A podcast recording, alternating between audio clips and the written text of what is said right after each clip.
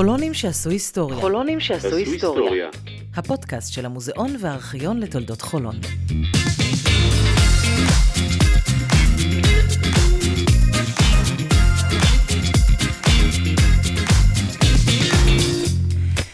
שלום וברוכים הבאים לפרק חדש בפודקאסט חולונים שעשו היסטוריה, בעונה שכולה שיתוף פעולה בין המוזיאון לתולדות חולון וגימנסיה נבון בחולון. אני ציפורנית פז, ואיתי היום אילי מיכאל. בוקר טוב אילי. בוקר טוב ציפורנית. פיטר רוט הוא אחד המוזיקאים המוכשרים במוזיקה הישראלית, ממגמת המוזיקה בתיכון קריית שרת בחולון, דרך להקת מוניקה סקס ועד לשיתופי פעולה עם גדולי המוזיקה הישראלית. פיטר רוט הוא האורח שלנו היום. בוקר טוב פיטר. מה שלומכם, חברים? זו התרגשות וכבוד עצום אה, להיות פה איתכם היום. גם לנו, מאוד מאוד. אה, פיטר, ספר על ילדותך בחולון, איפה הסתובבת, איפה היו מקומות הבילויים שלך בנעורים שלך. וואו. אה, קודם כל הגעתי לחולון בגיל אה, 12, עברתי עם ההורים שלי מבת ים, והתגוררתי ברחוב 1 במאי, ממש פה, 1 במאי 14, ליד כיכר סטרומה. אה, קיבלו אותי נורא יפה בכיתה. בית ספר אה, דינור. בית ספר דינור, כן, ממש פה לא רחוק. אה, וואו, המון המון זיכרונות, גם פה מאולם הפחים היה לי מנוי, אה, כמה רעש היינו עושים. אה, המון המון חברים, באמת, נרקמו המון חברויות, חלקם נשארו עד היום. רקדתי בסבוי, בדיסקוטק, הייתי בשומר הצעיר, כן, נכון? בקן חולון. כן, ברחוב ארלוזורוב. זה היה בארלוז, לא זוכר כבר, אבל הייתי ב... הייתי ב... כן, שם. כמו ישראל אלימלך. וואלה. וואלה. חברה טובה מאוד. אה, באמת, באמת, ערימות של זיכרונות. אחר כך עברתי ל... לקריית שרת יותר מאוחר, הייתי בתיכון קריית שרת. וגם שם המון חברויות, אה, המון המון שמחה, הייתה לי ילדות ממש טובה פה, ומאושרת. זהו, לאט לאט עוד יצוצו לי כל מיני זיכרונות אה, מהתקופה. הייתי קונה שוקו בשקית פה, ואני זוכר שפעם הלכתי לבית ספר, וקניתי שוקו וסופגניה. הייתה מכולת ליד הבית ספר, וכשבאתי לשים אותה בתיק, הבנתי שיצאתי בלי תיק. באתי להוריד את התיק כדי לשים את זה בפנים, ולא היה תיק. הייתי כזה ילד חולמני כזה. כן, חולה מוזיקה? חולה מוזיקה וספורט, כאילו, הייתי טוב בריצות קצרות, יש לי כמה תעודות אה, מכל מיני תחרויות בבית ספר. אה, כן, המוזיקה אבל תמיד הייתה שם, ו... וכן, הייתה מישהי שגם נורא אהבתי, הילה פור קראו לה. לא יודע אם מישהו פה מכיר אותה, אבל אה, מכירה אותה? הייתה בבית ספר, כן. של ליאורה. ואפילו שרתי לה שיר, ב- ביום הולדת שלה הקלטתי לה שיר, ו... כן. טוב. אה, אם היינו מציצים לפלייליסט שלך, מה היו חמשת השירים הראשונים שם? וואו, זה נורא נורא קשה. אני מניח שהיה איזה שיר אחד של אריק איינשטיין, אה, משהו של אבות המזון, כאילו, ואימהות המזון. אה, אולי, בטח היה איזה ביטלס אחד, חיפושיות, אולי איזה יהודית רביץ אחד, משינה אחד. כל מיני דברים של מבוגרים כבר, אתה, אתה בן 15, נכון? גם אני אוהב שירים של פעם. אה, אוקיי. אז זהו, אני גם כשהייתי בגילך אהבתי שירים של פעם, ו... אבל אה, יש כל מיני דברים האמת, אה, דווקא יש איזה הרכב עכשווי, זה צמד בעצם, אה, של פסנתרנית או קלידנית, איך שתקרא לזה, ומתופף. קוראים לה דומי ולו קוראים ג'יי די בק, והם ממש ממש מגניבים. והם עושים מוזיקה שהיא לפעמים אינסטרומנטלית דווקא, ולאו דווקא רוק, יותר כזה מין סוג של ג'אז מעורבב עם, אה, עם כל מיני כזה. זה סלט כזה שדווקא כיף לי לשמוע אותו, אחרי ששנים אני שומע את אותו דבר, אז פתאום דווקא זה ככה נכנס לפלייליסט שלי בשנים האחרונות.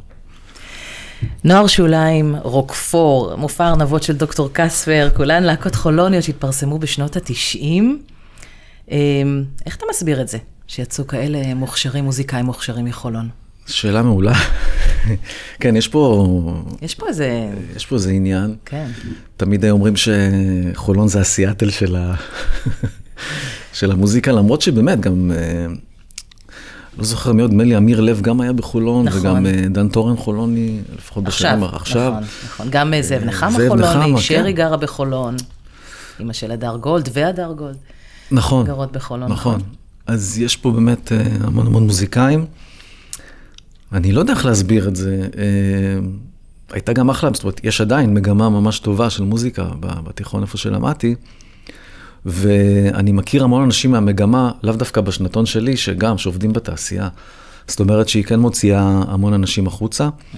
אני זוכר שבאמת, כשגרתי בקריית שרת, אז מולי היו גרים החבר'ה מרוקפור, וגם דודי לוי היה פה, וג'אנגו, מתערובת אסקורט. אה, ים של מוזיקאים. אני, להסביר למה זה קורה פה, ב, אה, אני לא יודע איך להסביר את זה מבחינה אנתרופולוגית. האמת שהיסטורית, ראשי העיר הראשונים של חולון, גם קוגל וגם אילון, הזמינו לחולון אה, אנשי רוח ותרבות. הייתה כאן אפילו כמעט שכונה של סופרים, והיה כאן אה, מין יבוא, יבוא אישי של אנשים מסוג זה, ויכול להיות שמשהו ב-DNA כזה התקבע בתוך העיר שלנו. אין לי מושג, זה ממשיך דרך אגב? זה, זה... אני חושבת שכן. אני חושבת שכן. מה אתה אומר, אילי? אה, לפי אילי כן, לפי אילי זה, קורה לגמרי, כן. כן. תודה רבה. אה, אנחנו יודעים שסבך לסלו רוט היה מנצח התזמורת של רשות השידור, ואביך היה בלהקת אה, פיקוד הצפון. האם הכישרון המוזיקלי והאהבה שלך למוזיקה זה קשור לגנטיקה? אני חושב שכן, זאת אומרת, יש איזשהו קשר גנטי, למרות שאני מכיר הרבה מוזיקאים שההורים שלהם לא היה להם שום קשר למוזיקה, ועדיין הם מוזיקאים נפלאים. אה, אבל כן, אני דור שלישי למוזיקאים, והבת שלי, למרות שהיא כרגע לא מראה שהיא רוצה לעסוק בזה, אבל היא מאוד מאוד מוזיקלית והיא מנגנת מעולה על, אה, על חשמלית ובאס. שרה מצוין, יש לה אוזן ממש טובה. מנגנת אה, מרצונה או בכפייה? כן? לא, חס וחלילה, להפך, הכ- הכי הפוך, אני ממש כן. לא רציתי לכפות את עצמי עליה, ופשוט היא גילתה עניין בזה. אה, אז אין לי ספק שיש איזשהו קשר, אה, אתה יודע, שמיעה זה דבר ש... הרי יש אנשים שאתה מנגן אקורד והם נכנסים בסולם יעקב, אני קורא לזה סולם שלא קיים, שאין להם קשר למקצוע ולענף, וזה בסדר, זה, זה לא שם אצלהם ב... והם אוהבים לשיר, זאת אומרת, זה לא, זה לא קשור ל... זאת אומרת, אתה יכול... זה לא קשור לאהוב- לכישרון. לא, אתה יכול לאהוב לשיר וזה בסדר, אבל אתה לא קשור לענף, ויש כאלה שזה... הילדה שלי, אני זוכר מה שהייתה ממש שרה שירי ילדים, כאילו שהייתה פצפונת, היא הייתה בסולם תמיד. אז זה, זה משהו כזה. יכול להיות שיש איזה משהו גנטי דווקא. אתה עושה המון ב, ב, בתחום, אתה גם כותב, אתה מלחין, אתה מפיק, כן. אתה שר. מה, מה אתה הכי אוהב? קודם כל, אני חושב שזה זה נורא מצחיק, אבל אני כבר אפתח את זה. הרי בישראל, אתה... בוא נגיד ככה, אם הייתי רק מנגן בלהקה, לא הייתי יכול להתפרנס מזה כמו שצריך. אי אפשר להתפרנס רק מלנגן בלהקה, או נגיד רק להיות אה, נגן, גיטריסט וזה. אי, פשוט זה, זה בלתי אפשרי אם אתה רוצה אה, לקלקל משפחה וזה. אז אה, אני חושב שהחיים בישראל גרמו לי אה, לנסות, כי אני נורא אוהב מוזיקה, לעשות כל מה שאני יכול במוזיקה. כדי להתפרנס ממוזיקה. זאת אומרת שאני יכול אה, יום אחד לקום בבוקר ולנגן אה, בשיר של שרית חדד, נגיד בעליך ועליי, שזה שיר נורא יפה. אה, ואחרי זה, יום אחרי זה להיות מפיק של מופע, נגיד עשיתי לא מזמן, לפני שנתיים, שלוש, את המופע לזכרו של מאיר בנאי, שהיה בראשון לציון, שהיה מופע ממש ענק, או נואבה, פסטיבל שעשיתי לפני שנה. או לעבוד בטלוויזיה למשל, הייתי כמה עונות מנהל אומנותי ב-The Voice, או כל מיני דברים כאלה, ש, שהם גם מקורות של הכנסה, אבל עדיין המכנה המשותף שלהם זה מוזיקה. אה, וזה נורא נורא כיף, גם להופיע לפעמים לבד, או עם הלהקה, אה, להיכנס לאולפן בתור נגן, או ללוות פתאום את אה, איזה אומן שאתה אוהב. ניגנתי עם כל מיני אומנים שאני הרצתי, זאת אומרת, היה לי מזל גם לנגן עם אנשים שאני אוהב. אז אני חושב שאני בר מזל בעניין הזה, כי יכול להיות שאם הייתי כוכב רוק באמריקה באיזה להקה, יכול להיות שהייתי, לא יודע, אולי נופל בסם, לא יודע, כי אתה באמת מרוויח ערימות של כסף, תחשוב על זה, אתה ילד בן 18-19, פתאום אתה כל היום מבלה במטוסים ובמלונות. ו... במעריצות. ומעריצות וזה, זה גם היה פה, אבל זה כל כך, בישראל זה, הממדים הם אחרים וזה משהו אחר. אה, אז היו הודעות במשיבון, כאילו. נורא מצחיק. גם היינו נורא צעירים, היינו בני 20. מצלצלים באינטרקום ובורחים, כזה. היו גם כאלה, מכתבים, היום משאירים מכתבים ב... בתיבת הדואר. דואר. כן, נורא מצחיק. יש לך, שמרת? אני שומר הכל, אני, יש לי כל מיני שטויות. כן, ארכיון, ארכיון פתעות. אה, כיצד מוניקה סקס נוצרה ואיך הכרת את חברי הלהקה? אה, אני- שחר המתופף, שחר אבן צור, שהוא אחלה מוזיקאי בפני עצמו, אה, לא חולוני. הוא לא חולוני, הוא תל אביבי. כל החבר'ה בלהקה היו, הם תל אביבים.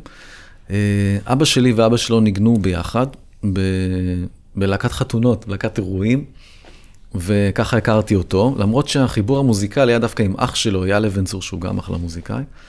אה, ולי הייתה להקה עם אח שלו בתיכון, וכשהדבר הזה התפרק, ושחר שכנע את יאלי סובול, הסולן של מוניקה סקס, שאז בכלל היה גיטריסט בלהקה אחרת, לעשות את המוזיקה שלו ביחד, אה, הם הציעו לי להצטרף, אמרו לי שמקימים להקה. ואז זה נורא סקרן אותי, כי לי הייתה להקה מפה, מחולון, שקראו לה ועד הבית. ואז זה לא היה כמו היום, שהיה לך אה, יוטיוב, והיית מתכתב עם אנשים בטלפון, ב, כאילו, ב, איך קוראים לזה, ברשתות. אז היית כותב, שולח מכתב לאיזה עיתון, ראש אחד או למעריב ונוער, וכותב, שלום, אני פיטר רוט, מעוניין להתכתב עם אנשים שאוהבים את משינה, slash, אה, זה וזה, והיית מחכה עד שהגיע הדואר עם תשובה ממישהו. היה מדור כזה, היינו כן. מפרסמים כאילו, אה, מחפשים pen pals כאלה. בדיוק. אז אה, למזלי, באמת שחר, כאילו, ואז נורא סקרן אותי להכיר חבר'ה מתל אביב, זה היה כאילו, תל אביב. להכיר חבר'ה מתל אביב זה היה נורא מגניב. ולכן אמרתי, סבבה, כן, אני מוכן, כאילו, הצטרפתי ללהקה, למרות שאני מודה שבהתחלה לא חשבתי שהם, זאת אומרת, כששמעתי את המוזיקה, היא לא נשמעה לי מי יודע מה, אבל אמרתי, יאללה, בסדר, אני, אני אצטרף, אולי גם קצת בנות מתל אביב, כאילו, זה חלק, חלק מהשיקול היה גם... גם חולונים. עם דימוי עצמי אה, חולוני. היינו לא, פעם. כאילו, הכל היה בסדר, והכל היה באמת נורא יותר הרגשה של לנסוע לתל אביב, נגיד, זה היה עניין, היית עולה על קו אחד או נכון, משהו. הדיזינגוף. ו- הדיזינגוף, ויורד לקנות מיתרים בכלי זמר, זה היה חתיכת ריגוש שקשה קשה לתאר אותו, כאילו. בשבילם היום זה נורא נורא, הכל נורא זמין, הכל מאוד אה, כן. גלובלי. כן. איזה שיר ישראלי אתה מצטער שלא אתה כתבת? וואו, יש המון שירים שאני מאוד אוהב, לא יודע אם אני מצטער שלא כתבתי אותם, כי... כי אני לא מצטער על כלום, אני משתדל לא להצטער על כלום, אבל uh, יש המון שירים נורא נורא יפים, אתם נורא מתקילים אותי בשאלה הזאת. Uh, וואו, אני יודע, שיר לאימא של אלון עדר זה שיר שאני נורא אוהב. Uh, יש ערימות, כאילו, וואו. יש, אה, אולי צריך לתת לזה עוד זמן, זה שיר של אה, אריק איינשטיין, שזה שיר שאני נורא אוהב. הוא לא מהכי ידועים. שיר ש... זה בכי, שיר שישר אני דומע שאני שומע אותו. אני אשאיר לכם לינק אחר כך עם רשימת שירים. כן. יש המון המון שירים, קשה לי... קשה לי להצביע על אחד. כן, שאלה טובה, כן. כל הכבוד. אה, בשנת 2007 התחלת לנגן עם אה, שלמה ארצי בהופעות ובאלבומים כנגן גיטרה בס, אה, ובסוף שנת 2012 החלטת לעזוב את הלהקה. אה, נכון. למה? למה? זה סימן שאלה גדול. אה, למה? שאלה, קודם כל זו שאלה ממש מעניינת וטובה. קודם כל נורא סקרן אותי עוד לפני, אני חוזר אחורה, לפני זה ניגנתי עם יהודית רביץ כמה שנים, ואז הגיעה ההצעה אה, משלמה בזמן שניגנתי באמת בהקלטות של אלבום שנקרא שפויים. שפויים, אני חושב? כן, נראה לי שפויים. אה, וניגנתי באלבום, ואז באיזשהו אחד הסשנים הוא שאל אותי, באמת from nowhere, תגיד, אולי אתה חושב להצטרף ל- ללהקה? כי בדיוק עזב אה, אריה וולניץ, שהיה הבסיסט הקודם. ומבחינתי, המחשבה לנגן שלמה תמיד אה, סקרנה אותי נורא, גם כי אין אח ורע לתופעה הזאת שנקראת שלמה ארצי מבחינת הגודל וה... והמקצוענות. אה, זה דבר שממש סקרן אותי לראות איך זה עובד הדבר הזה. וגם כל הסיפורים שתמיד רצו מאחורי הקלעים, וזה, על איך זה לעבוד איתו. ההוואי, כן, כן, נורא. נורא סקרן אותי. אז אני יכול להגיד לכם שמבחינה מקצועית, גם דיברנו על זה לפני שהתחלנו את הפודקאסט, למדתי המון, המון המון ממנו, אה, על המקצוע הזה שנקרא להיות זמר, ובכלל לנהל להקה והרכב. אה, למדתי קודם כל, הכלל הכי חשוב שגם סיפרתי לכם קודם, זה שבמהלך ההופעה, כל מה שחשוב זה באמת החיבור שלך עם הקהל שלך. ולא משנה אם אה, נקרא לך מיתר באמצע, או ש... או שמשהו פתאום, לא יודע, התבלבלת במילים נגיד וזה, בהרבה הופעות אתה לפעמים רואה שיש התרחשות בצד של הבמה, כי משהו לא עובד או משהו, ואז מיד אתה רואה שכל דעת הקהל מוסחת, כי הם רואים שמשהו לא מסתדר על הבמה. אז אצל שלמה למדתי שאין דבר כזה, שקודם כל הולכים עם השיר וזורמים גם אם יש טעויות, וזה לא מעניין בגדול את הקהל, אלא רק, ה, ה, זה כמו לעשות אהבה, בקיצור, כשאתה מופיע מול קהל. עכשיו, המופע של שלמה, בכלל, ההפקה הזאת היא מאוד תובענית ודורשת ממך המון המון, אה, היא צריכה אותך כל הזמן שתהיה זמין. ומכיוון שקודם כל יש לי גם להקה משלי, וגם רציתי לשיר את השירים שלי, לא שזה באמת מונע, אבל רציתי את החופש האומנותי שלי לעצמי, והחלטתי שזה מספיק, הייתי שם כמה שנים טובות, למדתי המון, גם הרגשתי שהגעתי באמת לטופ שאפשר מבחינת לנגן עם אומן ישראלי אולי הכי גדול בכל הזמנים. ולפעמים צריך גם לדעת אה, להגיד, אוקיי, מיציתי, היה לי תענוג, ולהמשיך הלאה. אה, וזהו, ונפרדנו ממש כידידים, ואנחנו שומרים על קשר ומסתמסים, וגם החלפתי פעמיים את uh, אייל מזיג שמנגן שם באז, כשלא זוכר אם אשתו ילדה או משהו כזה, והיו צריכים, הזעיקו אותי לנגן איזו הופעה. אז עשיתי את זה בשמחה גדולה, וזכיתי לנגן איתו באמת. לעשות מילואים אצל שלמה ארצי, איזה מגניב. כן, זה לא רע. אה, פיטר, אז אילי הביא איתו גיטרה, והוא מעריץ גדול גדול של שלמה ארצי, והיה רוצה לבצע איתך איזשהו שיר ביחד. השיר טלפני טלפני, מאלבום חום יולי-אוגוסט, שיצא ב-1988, מילים ולחן שלמה ארצי. את נוסעת לשם, את באה מכאן, את אוספת את כל הבגדים, ויוצאת אל הדרך, הדרך קשה, הכל כל כך פתאומי. ובתי הקולנוע מלאים אדם ואני מלא פחדים. טלפני טלפני, כי אם לא אז אדאג, גם ממך די דואגת עדי. כן, אני כבר נפלתי וקמתי וגם השמיים כאילו נופלים. כשאתה לא מוכן ואתה לא מוגן, הכל כל כך פתאומי. והעיר רטובה מהגשם הדק ופנייך הן סוג מעודן. את נושאת מזוודה, את נוסעת מרחק, טלפני טלפני. כדי שלא אדאג לך, לא אני לא אשב בשקט, כשהגשם יבוא והרוח תשוב, אדאג עוד יותר. איך לא אדאג לך, טלפני אז אולי לא אדאג. מבפנים יהיה לי קשה, מבחוץ לא אראה שום דבר. וואו! כל הכבוד. כל הכבוד. Very nice. מאמן גדול לאמן לאמן אריק איינשטיין. האחד והיחיד. כן. עבדתם הרבה ביחד, יצא לכם אלבום משותף. כן. אה, הלחנת עבורו אה, שירים באלבום הזה, היה לכם חיבור שלא רואים בין זמרים אה, מצליחים, אבל אריק איינשטיין אוהד הפועל שרוף. ואתה אוהד מכבי, שלא לומר חידשת את צהוב עולה. נכון. מה הוא היה חושב על זה, לדעתך? היינו, קודם כל היינו מדברים הרבה על ספורט, וכשאריק היה בחיים, אז הפועל היו, היו די, ב, היו, היו מאוד מצליחים. אז הוא דווקא זכה להיות על העליונה כשהיינו בקשר. עוד היה אולם. אה, היה, היה אולם, את מדברת על הכדורסל, כאילו, היה להם מטוסישקין. אבל לא, בוא, בוא נגיד ככה, בשביל אריק איינשטיין צריך uh, פודקאסט שלם בנפרד. הוא באמת היה אדם נדיר, ולפני המוזיקה בכלל, אני חושב שהוא היה שיא הצניעות וה... באמת כליל השלמות. הוא היה אדם מדהים. אני לא מכיר עוד uh, אומן ישראלי ש... שהוציא חמישה אלבומים שהם כולם מוקדשים לאהבת הארץ, כאילו ארץ ישראל הישנה והטובה, יש לו חמישה אלבומים כאלה. Uh, הוא היה נורא מצחיק. אה, הוא היה יפה, מבפנים ומבחוץ. מבפנים וכן. הבנתם אותי, אני פשוט מתחיל להתרגש כשאני מתחיל, כשאני מדבר עליו. מדבר עליו, כן. אה, יש הרבה געגועים, אנחנו... המון געגועים, גם כן. הקלטתי שיר אחד שהוא, אחרי שנתיים שהוא נפטר, לבן שלי קוראים אריק, על שמו, אה, קראתי לו כמובן, עוד כשהוא היה בחיים, קראתי לו על שמו. וגם אז אני זוכר שהשיחה איתו הייתה, הוא התקשר להגיד לי מזל טוב שנולד לי אריק, ואמרתי לו, אתה יודע שקראתי לבן שלי אריק וזה, ואז הייתה, הייתה דממה. זה, לא- הדממה, מכיוון שהוא היה נורא מובך, תמיד כשהרימו לו, שניסו להדיר אותו, הוא תמיד היה איכשהו מצניע כן. את זה, ו...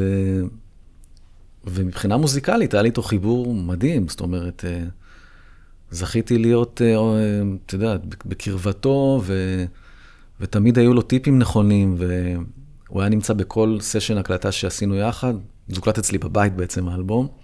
על מחשב, וגם זה לא היה קורה בלעדיו, זאת אומרת, זאת הייתה יוזמה שלו בעצם. Mm-hmm. הוא התקשר יום אחד, שזה סיפור מצחיק. הוא התקשר אחרי שעבדנו בשני אלבומים לפני זה, ואז הוא התקשר ואמר, תגיד, אולי נעשה אלבום אה, ביחד, רק שנינו וזה. עכשיו, מבחינתי זה היה באמת, אה, לא האמנתי שהוא אומר את זה בטלפון, זה היה החלום הכי גדול שלי אולי. ואמרתי לו, תשמע, אבל איפה נקליט את האלבום? אז הוא אמר לי, נקליט אצלך בבית. עכשיו, אמרתי לו, תשמע, אני גר בדירה של חדר וחצי בכרם התימנים, כאילו, עם שהחצי חדר זה כזה עם אסטבסט, וזה ממש מקום נוראי להקליט בו לא אלבום. לא בריא, גם לא בריא. לא בריא, לא כלום, וזה גם... אמרתי לו, גם אין לי אולפן בכלל, כאילו, אז, אז אולפנים עברו להיות בבית, ואנשים היו קונים מחשב וזה, ואז באמת שאל אותי, תגיד, מה צריך בשביל שכן נקליט אצלך בבית? אמרתי לו, צריך לקנות מיקרופון טוב, וכל מיני מכשירים ופריאמפים, והחבר'ה שעובדים פה יודעים על מה אני מדבר.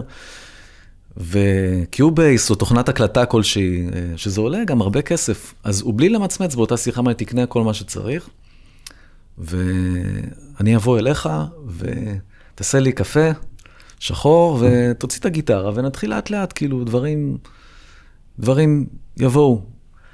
מה בעצם רוצה לומר? שעזוב אותך רגע מה, מכל החומרה וממה שצריך וזה. יש פה חיבור טוב, ואני, ככה הוא חשב. בוא נתחיל, והדברים uh, יזרמו. כמו שאמרתי לך איך שנכנסנו, נכון? אמרתי לך, בוא נזרום, הכל יהיה בסדר וזה. אז uh, זה היה אריק, הוא היה באמת uh, אחד ויחיד, ואם תעשו יום אחד פודקאסט עם uh, אנשים שהם לא חולונים, אבל תדברו עם uh, מיקי גבריאלוב נגיד, או, או שלום חנוך, או כל מיני אנשים שעבדו איתו, הם יספרו לכם בגדול את אותו סיפור, כאילו, על, ה, על זה שהוא תמיד יזם, ותמיד היה לו איזה מין תחושה כזאת, אה, תחושת בטן שהניעה אותו לעבוד עם אנשים עוד לפני שהיה בכלל שיר אחד קיים. וואו. כן, אדם באמת יוצא דופן. כישרון גדול ממש. זה מעבר לכישרון, זה, אני תמיד טוען שהוא לא היה בן אדם, הוא היה באמת, אה, אם יש מלאכים כאילו, אז הוא היה, ואני לא מאמין בשטויות, אבל הוא היה משהו יוצא דופן אה, לגמרי. וואו. כן. איזה זכות. לגמרי. האם אתה עובד היום עם אומנים צעירים, ומה דעתך על הרוק והמוזיקה הישראלית של היום? אמ, קודם כל, אני חושב שאם נשארו חלומות, אז זה דווקא באמת לעבוד עם חבר'ה צעירים. כי אני חושב שאחרי שלמה ארצי, יהודית רביץ וכל הזקנים, כאילו, במרכאות, אה, לא נשאר יותר מדי מי, אתה יודע, אני חושב שבאמת הגשמתי את החלומות האלה. באמת החלום שלי הוא לגלות איזה מישהו צעיר ו... או צעירה ומוכשרת, אה, ולהעיף אותם קדימה. אה, אני מודה שיש פער בין זאת אומרת, אני שומע היום המון מוזיקה ואני קולט שאני, שאני פשוט לא, לא על אותו תדר עם מה שקורה. זה לא מרגש אותי. אני חושב ש... שוב, אני לא רוצה לעשות הכללות, אבל אני מרגיש שהמון יצירה היום, היא נעשית מתוך מחשבה של איך אני עושה כסף, איך אני מתפרסם. והחלומות שלנו כילדים היה זה איך אנחנו יוצרים את המוזיקה שלנו, אה, איך אנחנו מגיעים להופיע באיזה, זאת אומרת, הם היו מאוד, המחשבות לא היו על כסף או על הצלחה או על, על דברים כאלה. ההצלחה הגיעה, זה היה התוצר של העשייה שהתבססה על, על רצון לייצר אומנות בעצם. וגם אם אנחנו מדברים לא על מוזיקה קלאסית או על אה, זה, אנחנו מדברים על, בסך הכל על שירים, שירי פופ, לא משנה. גם אם זה שיר פופ, אני חושב שעדיין צריך להתייחס לזה כאל קודש הקודשים ואל משהו שהוא קודם כל אומנות, ואם זה אחרי זה זה מייצר כסף, אז יופי. אז אני מחפש את האנשים שעדיין הדבר הזה מעניין אותם, והם רוצים לעשות איזושהי דרך, שאחרי 30 שנה שהם במקצוע, הם עדיין יוכלו לפתוח קופה, ואנשים ישלמו 150 שקל כרטיס בשביל לשמוע את השירים שלהם, והם לא יתאיידו אחרי שנה, שנתיים של איזה להיט מועדונים. וואו. זה, זה החלום שלך? אם נשאל אותך איזה חלום עוד לא הגשמת, זה, זה אחד החלומות? כן, לגמרי, שאני הייתי מת אה, ככה לפ, לפרוס כנף על איזה מישהו או מישהי צעירה, כאילו ש... זה גם קצת מורשת אריק כזה, נכון? כן, תשמעי... לחנוך אה, אה, מישהו צעיר. או זה, כן, אריק עבד בדרך כלל עם, עם, עם כותבים ומפיקים. הוא בעצמו היה הטאלנט, כאילו. אבל אני מבחינתי, זה לא שאני... אני אף פעם לא הייתי בן אדם שמחפש פוקוס, כאילו, או רוצה להיות באמצע או במרכז. יש אנשים, דרך אגב, שבאופי שלהם, הם, הם צריכים את האמצע, הם צריכים את האורות עליהם, וזה זה, זה, זה מפרה אותם. אני, אני לא יודע אם את זוכרת, אבל אני כאילו התחלתי כגיטריסט בכלל, רציתי להיות מוזיקאי שמלווה את מיטב אומני ארצנו. העניין הזה של השיר זה משהו ש... וקדמת הבמה זה משהו שבא... בעל כורחך? לא בעל כורחי, כי אני גם לא היה לי אומץ לשיר בתכלס. כאילו, זה רק באמת יזהר אשדוד, שהוא גם מוזיקאי על, אה, נתן לי בעצם, הכניס אותי, אפשר להגיד אפילו בכוח, לאולפן שלו להקליט את השירים שלי, ואז יצא אלבום, ואז יצאתי לאיזה מין דרך מסוימת כזאת. שגם, אני עושה אותה בדרכי, בצנעה, זה לא מופעים עכשיו, אני לא יכול לפתוח אה, שוני עם ההופעות שלי, אבל פעם בשנה אני עושה איזה זאפה, חגיגית כזאת, ו, ובין לבין עושה הופעות קטנות, שזה נורא נורא כיף. פיטר, אתה מעורר השראה בקרב המון אה, אומנים צעירים שמתחילים את דרכם במוזיקה. אה, הייתה לנו הזכות לארח אותך אצלנו בפודקאסט, תודה רבה שבאת. הזכות היא שלי, ואני מודה לכם על זה מאוד, להיות חלק מהרשימה הזאת הנוצצת. תודה רבה גם לך, ציפורנית. תודה רבה לך, אילי. ותודה רבה לצוות ההפקה, לכפיר תורס, ללירון טאטי, תודה להילה יצחקי וליהודה בר-לב מגימנסיה נבון בחולון, ליסמין כהן אלגבי מהמוזיאון והארכיון לתולדות חולון, תודה לבית המארח שלנו, לאולפן ההקלטות של המרכז הטכנולוגי בית רוטר בחולון, למנהלת ברוריה טישלר ולצוות עידן עטר ואורי משיח. עד כאן פרק נוסף בפודקאסט חולונים שעשו היסטוריה. נתראה בפרקים הבאים.